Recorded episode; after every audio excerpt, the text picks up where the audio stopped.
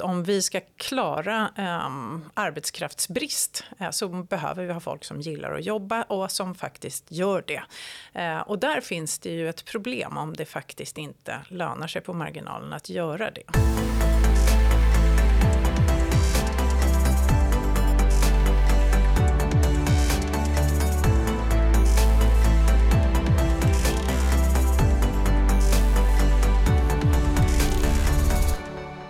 Charlotta Stern är VD på Ratio och professor i sociologi vid Stockholms universitet med inriktning på organisation. Varmt välkommen till Uppskattat Charlotta. Tack så mycket, kul att vara här. Trevligt att ha dig här. Eh, jag ska börja med en ganska öppen fråga. Vad är Ratio för något? Ratio är Näringslivets forskningsinstitut. Vi eh, har funnits i över 20 år och eh, bedriver forskning om viktiga samhällsfrågor för Sverige utifrån näringslivets perspektiv, det vill säga utifrån företagandet och, och näringslivets villkor. Mm. Och innebär det att det är Svenskt Näringsliv som bestämmer vad ni tycker? Nej, det är det inte. Det var en ledande ja, fråga. Det var en väldigt ledande fråga. Men den är värd att ställas, för vi får den med jämna mellanrum såklart. Men det får man när man heter Näringslivets forskningsinstitut. Och det är helt okej. Mm. Mm. Men så är det inte. Nej, de bestämmer inte vad vi får tycka och tänka. Men däremot så har vi en grundfinansiering från Svenskt Näringsliv. Och det täcker våra Um, vad heter de? De här lokalerna som vi bor i. Och lite, ja, men precis. Det är en liten overhead, uh, ett overheadbidrag kan man säga. Mm. Eller inte så litet. Alltså det, det, det är ett värdefullt bidrag för att vi ska ha en, en solid grund att stå på. Vi är ju, vi är ju ett privat, en ideell förening. Liksom, så vi, kan ju inte, vi har ingen liksom, statlig finansiering eller några andra pengar helt enkelt att bygga på. Nej, så det är grunden. Och hur får ni pengar ja. i övrigt?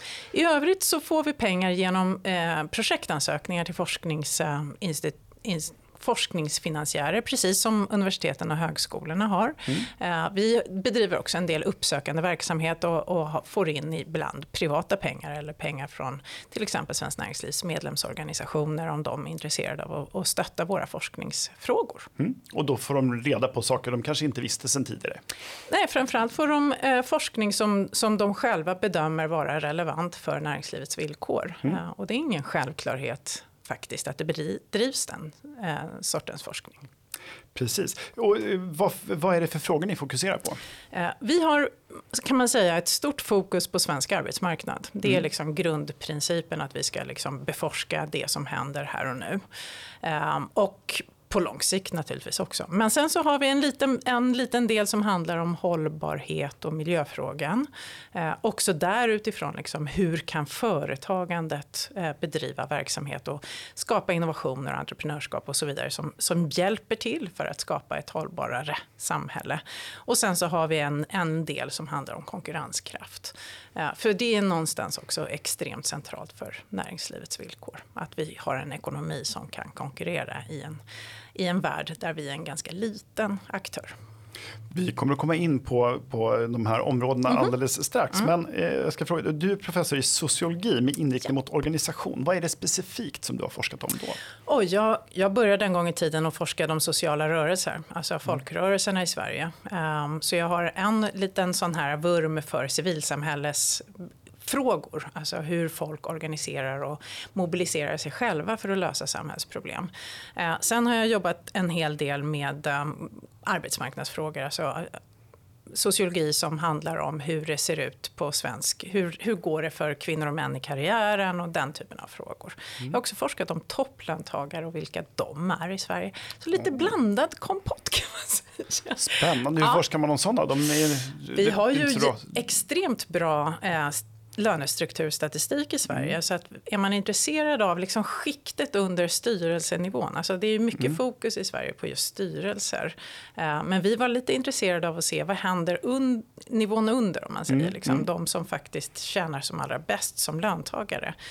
För att liksom kunna titta lite, lite sådär, liksom, hur ser rekryteringspoolen ut för styrelser? Och hur, kommer det mer kvinnor? Kommer det andra sorters människor? Hur viktigt är det med högre utbildning för att ta sig till en sån här position? Så liksom ganska så här, intressanta eh, frågor utifrån liksom någon slags, där, liksom, hur tänker vi kring det här och hur ser det ut idag? Spännande, det måste vara jätteintressant. Och över tid. Ja, nej, ja. men det är faktiskt, det, det, har varit, jag har haft, jag har, jag, jag har haft och har världens roligaste jobb. Det är mm. så jag ser på det. det kan vi bryta arm om sen. Men, mm.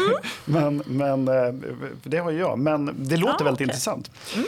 Eh, men eh, arbetsmarknad är en sån här, ett ämne som är viktigt för er av naturliga skäl. Då. Ja. Men vad, vad ser vi för utmaningar på svensk arbetsmarknad just nu? Um, jag skulle säga att ja, alltså vi har ju de här liksom, utmaningarna som, som drabbar alla företag just nu eh, och även anställda i företag naturligtvis. Det vill säga att vi är på väg in i en lågkonjunktur, vi har en hög inflation, folk får det sämre. Vi ser att konkurserna ökar. Det, ju, det drabbar ju liksom folk på arbetsmarknaden naturligtvis. Men om man liksom lyfter blicken lite och tänker långsiktigt kring eh, svensk arbetsmarknad så är kompetensförsörjningsfrågan en central eh, ingrediens skulle jag säga.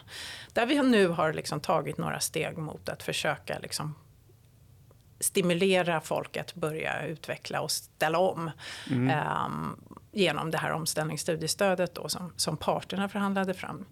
Um, så där, det, det ser ju vi fram emot att följa med, med, våra forskningsglasögon och se, kommer det funka, hur, hur blir utfallet?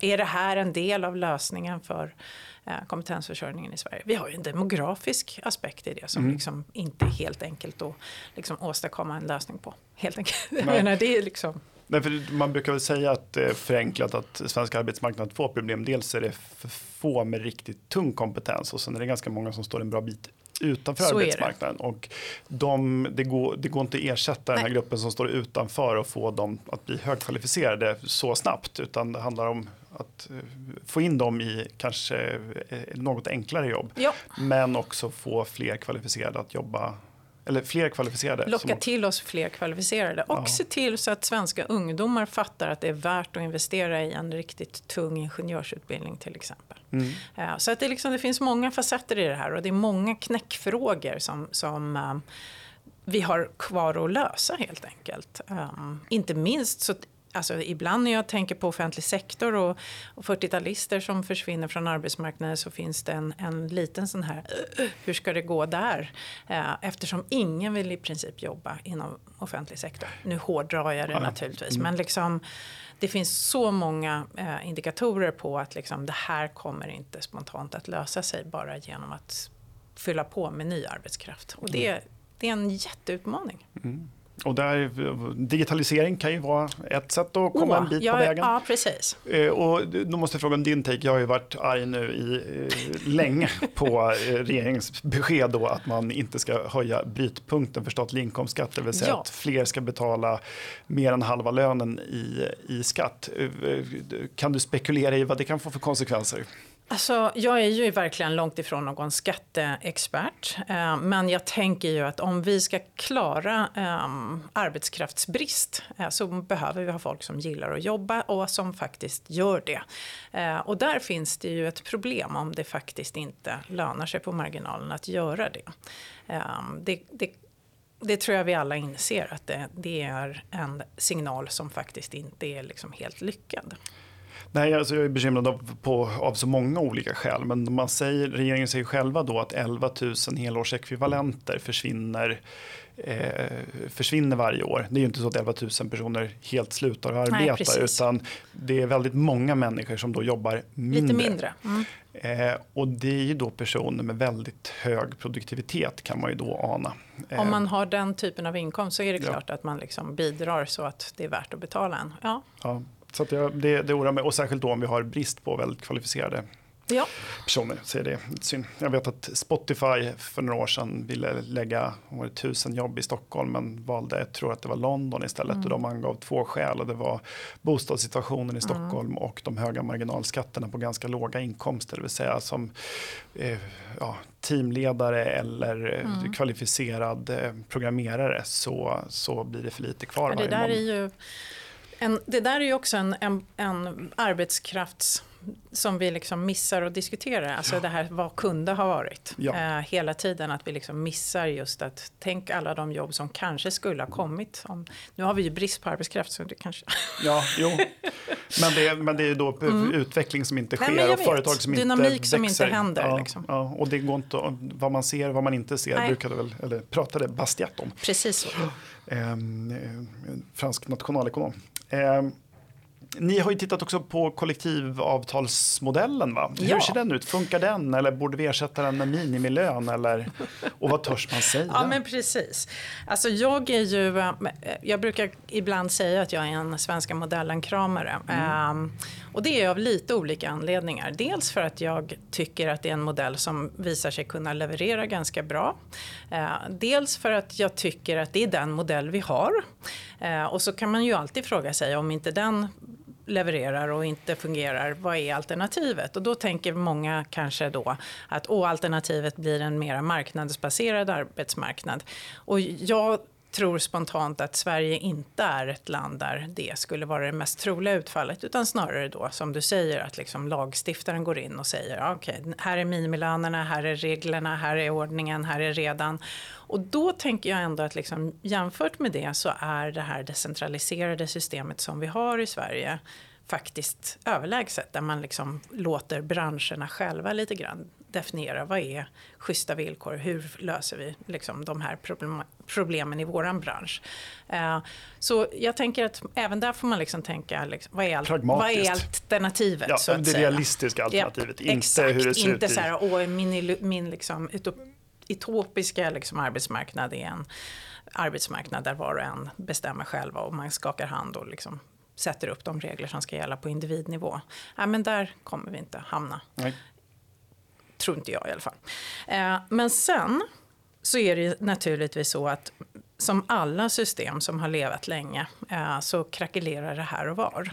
Eh, och där finns det ju nu en, en, eh, tror jag, ganska stor samsyn att ett problem är att de fackliga medlemstalen sjunker.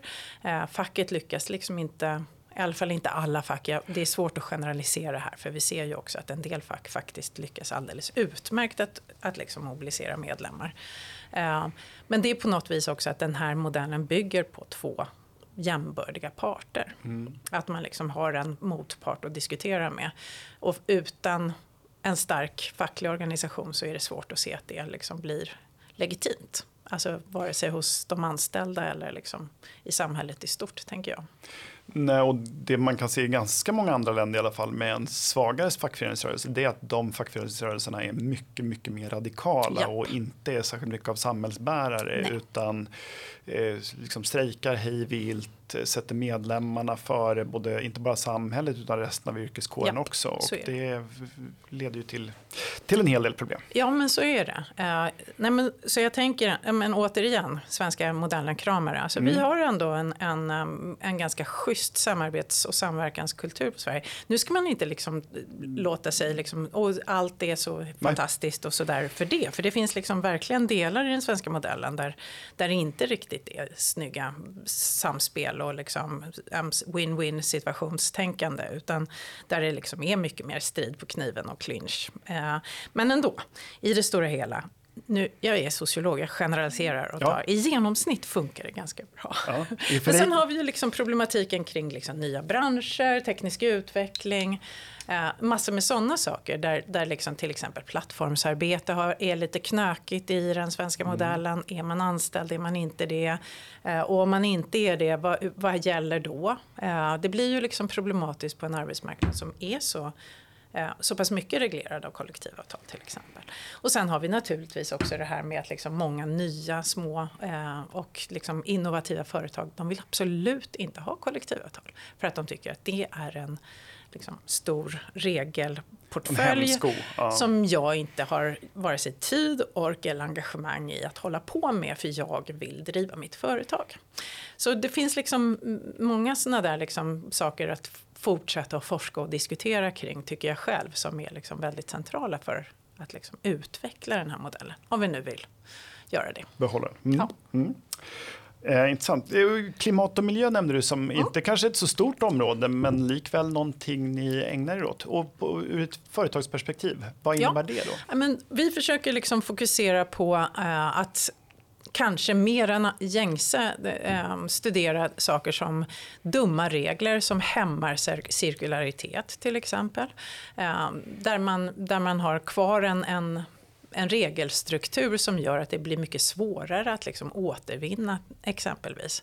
Eh, eller områden där vi ser att, att att um, tillståndsprocesser, alltså där det finns liksom politik och institutionalia och regelbördor som gör att, att, man, att det är svårt att få snurr på mm. den här gröna omställningen just utifrån um, företagens villkor. Men sen har vi också sagt att det är viktigt att det finns uh, en forskningsmiljö där man inte bara tittar på vad staten ska göra eller vad liksom, eh, samhället ska göra utan också faktiskt lyfter just att, det är att i mångt och mycket är det här en, en fråga om innovation, entreprenörskap. Och där ser vi ju vi att liksom utifrån liksom Ratios näringslivsperspektiv så, så är det också viktigt att liksom påminna om att liksom, ska det här ordna sig så kommer vi behöva nya företag, innovativa människor, kreativa personer som faktiskt är intresserade av att liksom hjälpa till och lösa det här. Mm, marknadsekonomi och kapitalism är,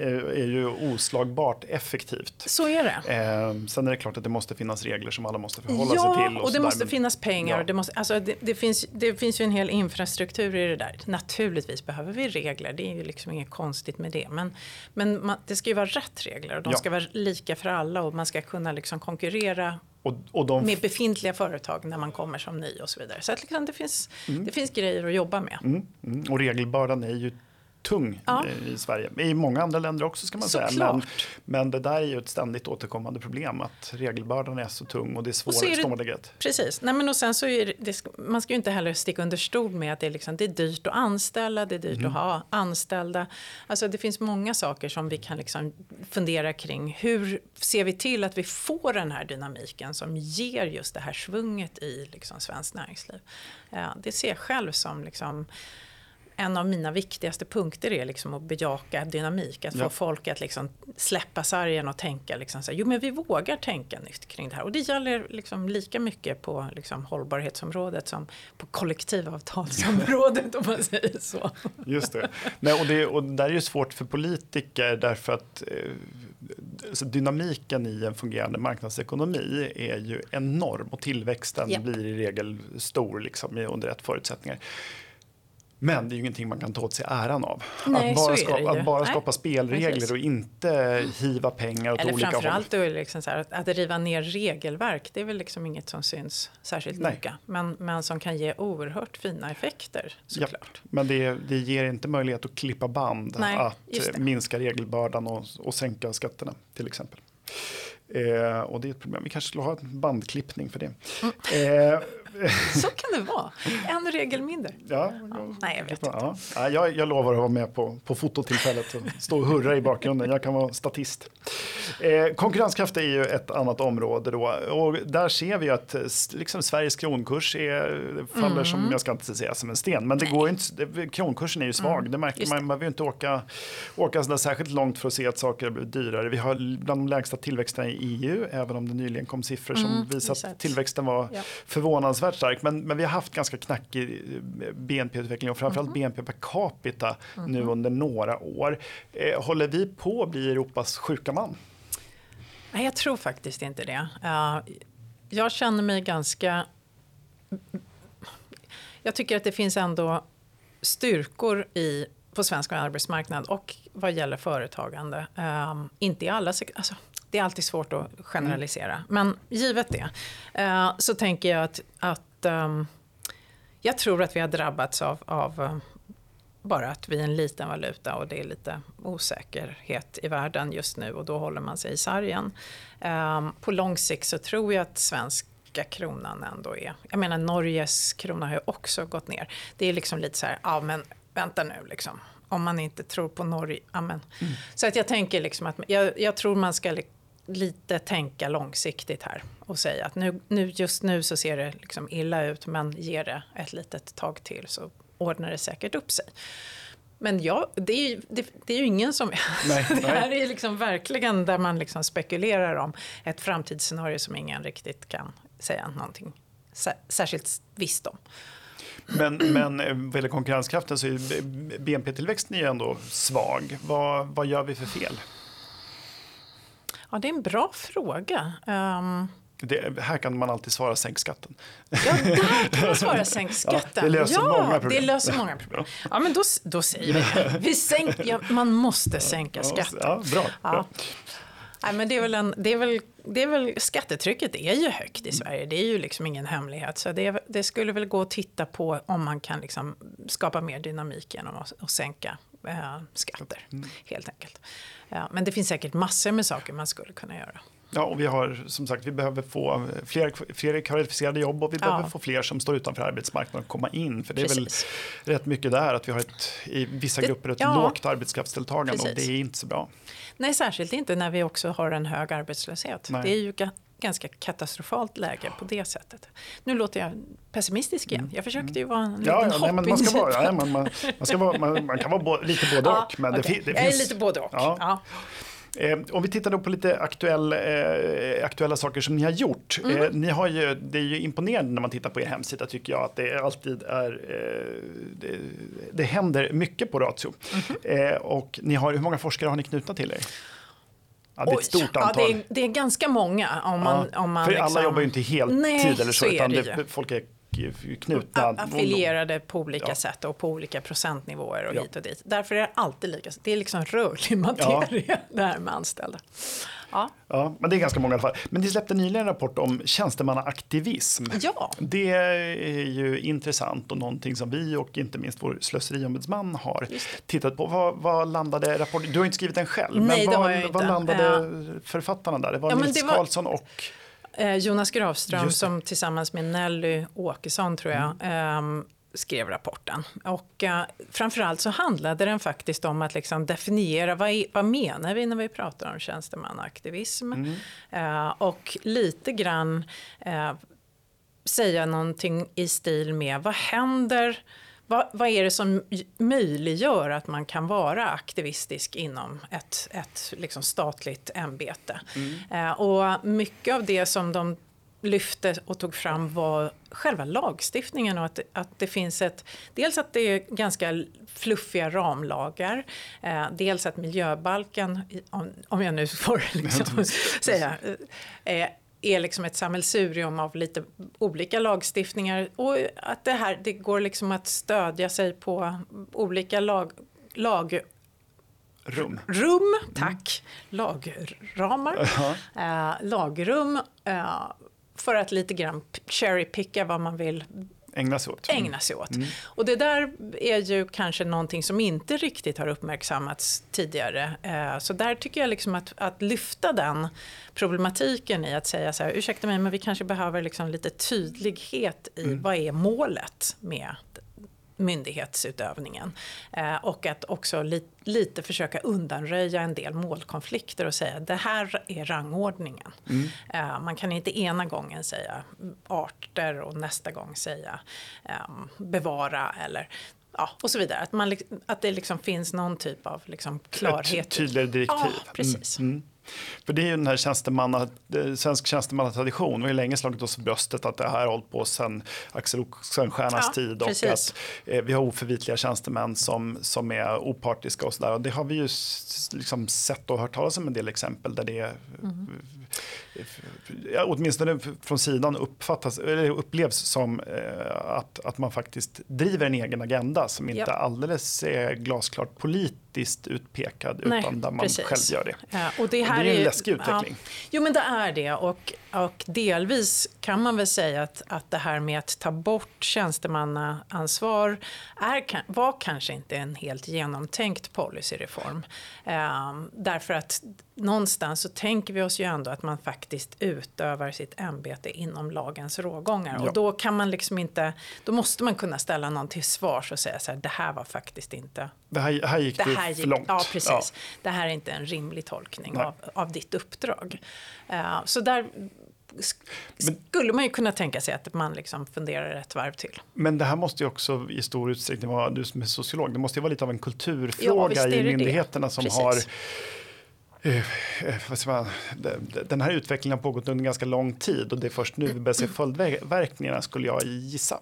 Ja, jag vet inte hur allvarligt det här problemet är, för jag tänker också att det är lite problematiskt. För det blir ju skriverier och det är liksom ja. lite sådär anekdotisk bevisföring. Jag tycker inte att man ska över, överproblematisera förekomsten. Eh, och det räcker ju med att det är liksom fyra personer som är beter sig ja. utanför sina ramar och så vidare. Men det är illa nog. Ska, ja. Man ska vare sig det, negligera problemet nej, eller, liksom eller överdriva, överdriva det. Nej, och det, det, är ju inte så att statliga tjänstemän i, i, springer runt med en egen agenda och driver den.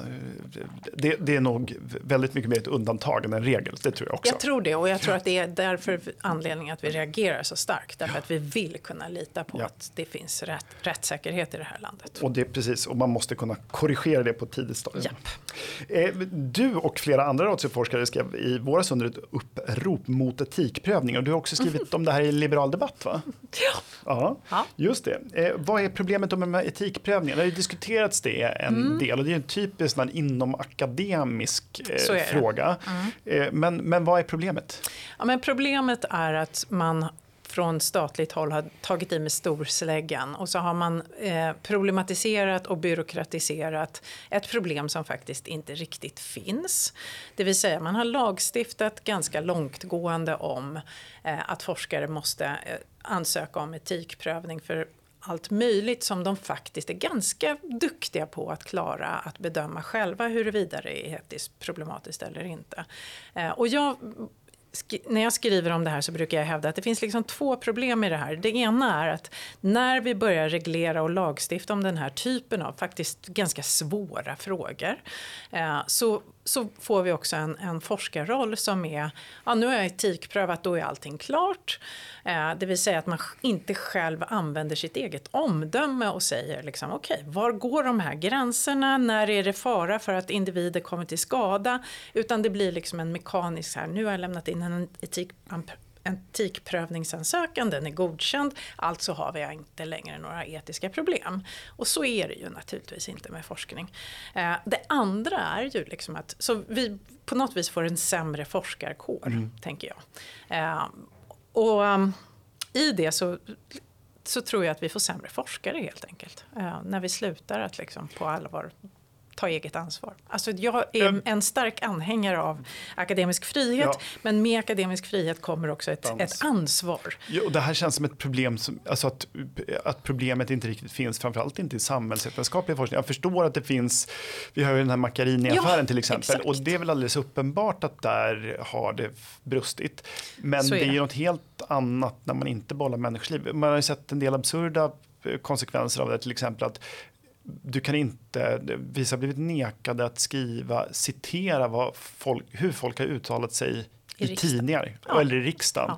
Ja. Eh, därför att det skulle då vara ett hot mot deras integritet. Mm. Och det här är off officiella personer ja. som har en, en hög samhällsställning och till och med förtroendevalda. Och så kan man inte citera och vad de själva har sagt. kan läsa det. Och var som helst, alltså, eller på andra ställen. Det verkar ju fullkomligt snurrigt. Ja, jag håller med. Och det är väl precis så det det började med det här upproret, mm. eller uppropet. Att, ja. att folk faktiskt började, men vänta här nu. Men det är liksom också väldigt tydligt tycker jag när man, när man läser om, om um, de här casen som har prövats att det har aldrig handlat, handlat om att någon har kommit till skada. Nej. Utan det har handlat om att du har inte sökt etikprövning eller du har sökt etikprövning men sen har du gjort någonting annat än du ansökte om i din etikprövning. Så att det är liksom lite det här, men ursäkta mig, vad är det här till för? Ja. För att liksom, alla, alla, alla ska lyda etikprövningsmyndigheten. Mm. Vad är liksom poängen? Och därför så tycker jag att det här är extremt upprörande och irriterande.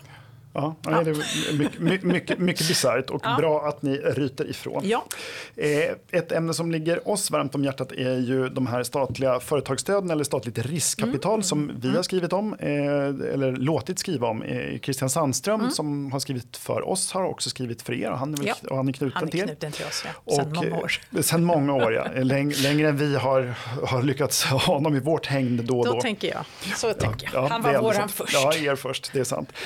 Och och han har tillsammans med eh, en annan ratioforskare, Carl Wennberg, eh, skrivit om den här eh, entreprenörsstaten. Ja. Ja. Eh, vad är det de har grävt i? Jo, men det har ju mycket handlat om eh, en, ny, en ny trend kan man väl säga om, om mission politics eller någonting i den stilen. Eh, som då har spridit sig som en löpeld, eller framförallt så har det väl liksom blivit populärt i eh, vissa, i EU och andra att, att stater ska liksom ha missions och så ska man liksom utarbeta då och slänga pengar på eh, de som ska utföra de här missions och det är ju naturligtvis som vanligt ganska konstiga idéer när man börjar gräva i det. Och det är väl det de har gjort. Mm. Att de har liksom börjat titta, vad är det egentligen som ligger bakom det här? Har det några som helst positiva effekter på liksom staters utkomster eh, och kommit fram till att nej, det här är ju som, precis som med all annan industripolitik. Det leder fel, det kostar en massa pengar och det blir liksom inte någon verkstad. Nej, man får inte den eh, innovation som man har hoppats. Man, utan istället allokeras pengar då från livskraftiga företag till de som bäst lever upp till politikernas tillverkliga, till, liksom tillfälliga ja, så nycker. Det, det, har ju skrivits en hel del om det här över tid men det skapar sådana här liksom entreprenörer som, som blir jätteduktiga på att söka medel för att bedriva entreprenörskap. Och um, inte, det blir liksom inte så mycket företagande utan det är snarare, snarare liksom någon slags bidragsentreprenörskap. Bidragsentreprenörskap brukar det kallas för. Om, om, så det här handlar ju väldigt mycket om konkurrenskraftsbenet på ja. Ratio. Eh, där vi liksom har en tradition av någon slags schumpeteriansk liksom, creative destruction idé om att liksom, en marknadsekonomi måste liksom styras av marknadsmekanismer. Företag ska liksom kunna klara sig på marknaden, annars ska de gå under. Och så enkelt är det. Ja, och politiker ska inte välja vinnare, vinnare eller liksom vilken teknik som är bäst för tillfället. Nej, eller så. Och de, är ganska, de är sällsynt dåliga på att fatta den typen av beslut. Ja, den historiska liksom, bilden av hur, hur bra det här brukar gå är ju ganska entydig ja. ändå. Det finns, det finns naturligtvis case där det liksom har funkat. Men, men i det stora om man generaliserar, ja. som jag återigen då gör, så är det här oftast en väldigt dålig idé. Ja, och det går inte att veta på förhand vilken Nej. av grejerna som kommer att vara lyckade i alla fall. Så att det är bättre att låta marknaden lösa det här det. med rätt ramar och spelregler. Ja. Eh, och det här finns ju att läsa om i både vår eh, eh eh, vår, våra rapporter som Christian har skrivit oss och, och sen i den här eh, på engelska. Jag vet inte, finns den på svenska alltså, Vi också? gjorde ju en fantastisk grej förra julen. Så vi, vi har en tradition på ja. Ratio att ge ut en liten julskrift. Um, årets julklapp ja, försöker vi ja, ständigt varje år, varje år. Ja. Men den här gången så gav vi faktiskt ut eh, introduktionen till den här engelska boken Aha. på svenska ja. med förord av, av Sven-Olof Danfeldt och med mig mm. själv att liksom, för att göra den lite mer lättillgänglig. Och mm. den finns nog att ladda ner på Ratios hemsida. Den finns på Ratios hemsida. Annars finns hela rapporten men då på engelska och då heter den Questioning the Entrepreneurial State, Status Quo Pitfalls and the Need for Credible Innovation Policy. Kort och enkel. Precis. jag tror att det är liksom 20 kapitel skriven av massor med olika akademiska forskare. Så ja. det är choose and pick. Japp, jag har, jag har boken i tryckt form. Men den går, ah, den går, den går den är open access ja. Ja, precis. Den är open access. Den, går, mm. och den går att hitta från Ratios hemsida. Men annars Absolut. går det som sagt utmärkt att läsa om det statliga riskkapitalet även på, eh, i en kort variant som vi har på vår hemsida. Eh, bra. Och då vill jag i sammanhanget passa på, när man ändå är inne på Radios hemsida så kan man ju prenumerera på era nyhetsbrev också. Ja, det kan man absolut tycker jag man ska göra. Om man är intresserad av de här frågorna så får man ju sig mycket till livs. Ja, nej, men vi försöker ju sammanställa lite nya rön och rån, höll jag på att säga. Rö, rö, inte rån, på det. Nej, nej, råd och nej, rön, höll jag Råd och... Nej, ja. ja men forskning, forskning helt enkelt. Precis. Forskning helt enkelt. Det senaste ja, och, vi har gett ut. Ja, och, det, och med tanke på att det är forskning så är ju faktiskt en hel del ändå liksom lättillgängligt även för en lekman tycker jag. Så är det. det. Vi, vi är ju stolta ägare av en rapportserie på svenska. Ja, Nej, det är, och det är väldigt fina saker. Eh, vad händer i övrigt framöver? Vad har ni för spännande på gång? Ja, men vi fortsätter i vanlig ordning med att ordna öppna seminarier. Det gör vi på luncherna.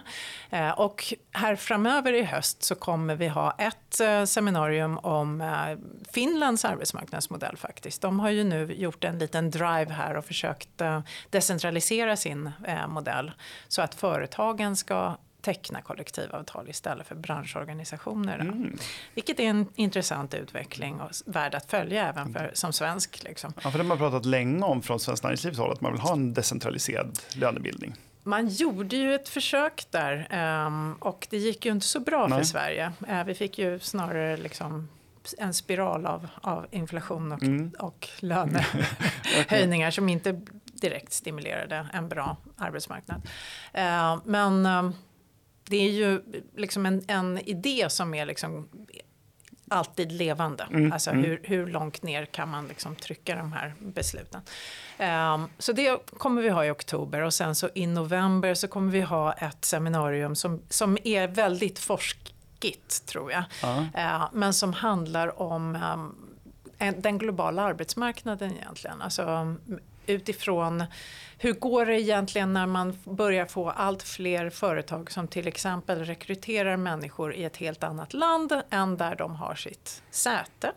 Eh, hur ser man till att de följer lagar och regler? Hur ser man, ja, men lite, lite sån här liksom, och hur kan vi stimulera att det här också blir en, en um, dynamik. Mm, mm. Uh, jag tänker ju att det här är ju ett sätt att faktiskt jobba globalt utan att behöva flytta. Just. Alltså det, är en, det är en sjukt spännande utveckling om vi kan få snurr på att människor kan till exempel jobba för Ericsson men, men, men bo kvar i Tanzania. Ja. Ehm, och, och, så vidare. Eller motsvarande, att liksom mm. ett amerikanskt företag kan rekrytera människor i Sverige utan att behöva ha ett kontor i Sverige. Utan man liksom. Så att det, här, det här är ju ett fenomen som möjliggörs av digitaliseringen och ny teknik och som, som vi liksom också behöver ett det här, in, ja, men ja, den här institutionalia ja, måste ju liksom hänga med i det här. Liksom. Och, just nu, det, och just nu i början kan jag tänka mig att det primärt handlar om specialistkompetens och ganska högavlönade. Men det eh, finns ju inget skäl att tro att det inte kommer att gå lägre ner, längre ner i lönespannen. Nej, men det, det, mm vi vet ju inte, återigen, mm. liksom, mm. att marknadsekonomin är ju liksom oförutsägbar. Vi ja. vet inte var, vart det landar. Men jag tänker ju att det här är ett sätt att, att liksom lösa kompetensbrist. Det är ett sätt ja. att skapa liksom nya jobb. Uh, det är ett sätt att se till att liksom, kanske glesbygden i mm. Sverige mm. kan leva kvar och så vidare. Så att det finns mycket i det här som är liksom sjukt intressant som jag ser det. Ja, och, och tillåta eh, människor som bor i kanske inte så välfungerande länder att ändå ha en, en, liksom en bra inkomst. Ja, precis. Eh, utan, ibland, utan att tvingas dra därifrån. Precis, ja, men ibland pratar vi om att, att det finns en brain drain mm. eh, från tredje världen eller utvecklingsländer som, som eh, eller the global south, jag vet inte vad den mm. politiskt korrekta eh, ansatsen är. Men, men jag tänker att det är ju faktiskt väldigt, väldigt intressant om man kan bygga där man står. Ja. Och ändå ha ett schysst jobb men inte behöva liksom, flytta till USA. Nej. Nej, och i takt med att nu länder bromsar då inflyttning från mm. andra länder så kan ju det vara så, ett, ett, ett, så kan det också ett, vara, ja, precis. ett alternativ. Ja. Ha, vad intressant. Är, är det något jag har glömt att fråga om? Det är det garanterat. Ni ja. gör ju så himla mycket bra grejer så det, ja, det är det säkert. Så är det. Men är det någonting du särskilt skulle vilja ha med? Hmm. Nej, jag skulle vilja rekommendera den samhällsintresserade eh, lyssnaren att faktiskt kolla in vår hemsida. Mm. Vi försöker koncentrera vår kommunikation kring hemsidan för det är mm. där vi märker att folk hittar oss. Eh, men också för att det finns så otroligt mycket. Det finns forskning, det finns öppna seminarier, det finns liksom allt möjligt som man kan liksom förkovra sig i. Mm. Det håller jag med om. Titta på hemsidan och prenumerera på nyhetsbrevet ja, från Ratio så, så, så, hänger man med i vad som händer. Eh, stort tack för att du är gäst hos Charlotta. Jättekul, Jättekul att vara här. Kul, stort ja. tack. Uppskattat, det är en podcast från Skattebetalarnas förening. Vi arbetar för låga och rättvisa skatter, rättssäkerhet för skattskyldiga och minskat slöseri med skattepengar. Vi bildar opinion och folk bildar i skattefrågan och vi lever som vi lär och tar bara emot frivilliga bidrag. Uppskattar du podden så kan du gärna ge oss ett gott betyg i din app och vill du medverka till att Sverige blir ett land med minskat slöseri och rimligare skatter stödjer oss enklast genom att bli medlem. Läs mer och bli medlem på www.skattebetalarna.se bli medlem. Till nästa vecka ha det så bra.